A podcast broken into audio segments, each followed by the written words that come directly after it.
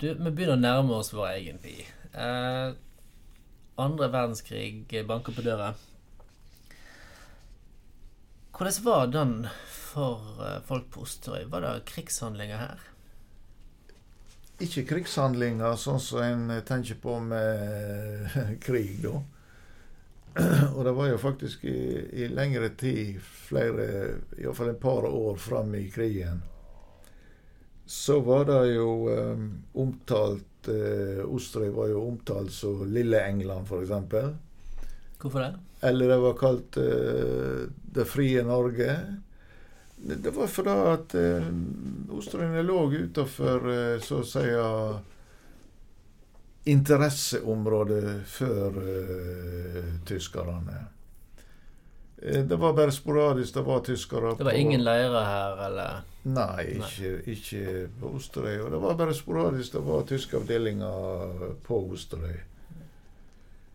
Men eh, alt sammen forandra seg jo da i løpet av eh, 44. For da at, nettopp da at Osterøy var en sånn freda plett, så etablerte eh, sabotasjegrupper treningsleir eh, på Osterøyene. Hvor hen da? Ja, den viktigste, eller Det viktigste området det var jo da rundt Askelandsvatnet. Og det er jo da eh, Saborg, altså det som Forkortinga er jo sab sabotasjeorganisasjonen, men det var jo egentlig eh, som egentlig sprang ut ifra kommunistpartiet. Og de var jo eh, Disse grupperingene de var jo da eh, styrt fra Bergen først og fremst, men hadde jo eh, gode kanaler bl.a. i Ytre Sånn at eh, de brukte da området bl.a. rundt Askelandsvatnet som treningsområde. Og da de da fikk eh, frakta våpen og diverse utstyr, slik at de eh, de brukte det som et slags baseområde. Ok, Men dette fant uh, tyskerne ut av? eller? Ja, altså det er jo da Det skjer jo da ei Det, det er ei omfattende opprulling som egentlig går fra Stavangerkanten og opp etter hele kysten. Men til slutt så leder det til til de sentrale personene i uh, Bergen, først og fremst. Og der, der spesielt da i november, når Normann Iversen så er den mest sentrale.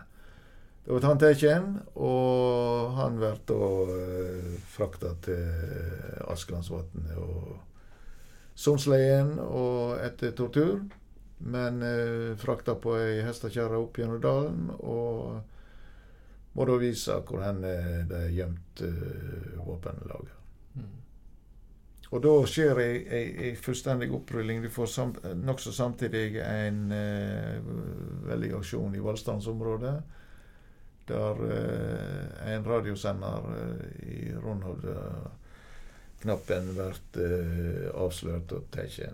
Var lokalbefolkningen på Osterøy med på dette? Visste de om det og holdt det hemmelig, eller var dette folk utenfra? Det var jo folk utifra som styrte det. Men eh, det var jo lokale som var involverte. Sånn som så den radiosenderen eh, på Ronalda, den var jo eh, den var jo dreven av eh, agenter, men eh, forsyninga til agentene, det var jo lokale som sto for det. Mm. Og når dette ble rulla opp, så ble jo flere av de arresterte tatt ned. Eh, ellers så var jo eh, ikke lokalbefolkningen eh, så veldig direkte in, involvert. Men eh, sånn som når eh, et våpenlager som ble frakta fra Sogn og ble frakta tatt inn i Lonevågen. så ble det kjørt inn i utmarka i Hansdalen. En stor del av det skulle oppover til Askelandsvatnet. Og det ble jo oppdaga i den opprullinga i november 44.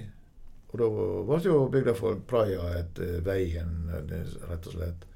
For å være med og bære det fram. Og hestekarer ble tatt ned for å kjøre det til Valstrand og mm. lasta om bord i Gestapo-skøyta.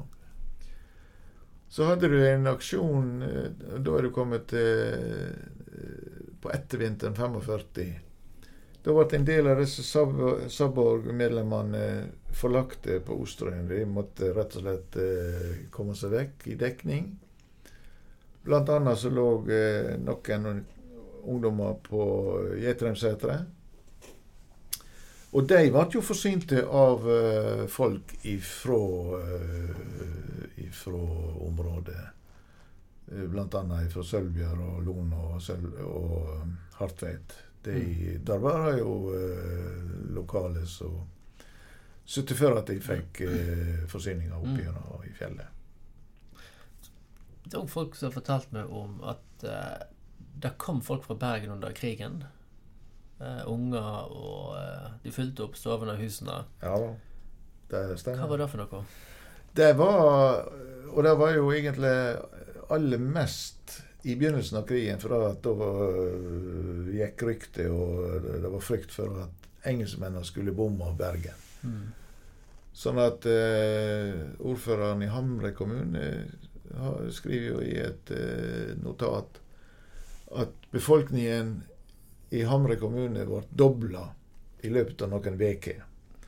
Og da var bergensere, eh, bergensfamilier som flykta hals over hode utover på bygdene for å komme seg vekk ifra det Altså uten at de hadde noen å reise til? Ja, i mange tilfeller var det da, men selvfølgelig i en av de fleste tilfeller så var det kanskje til familie, eller iallfall kjenninger. Mm. Men òg eh, viltfremmende. absolutt. Sånn at når dette her eh, bombingen etter Bergen ikke kom, så reiste jo mange tilbake. Altså.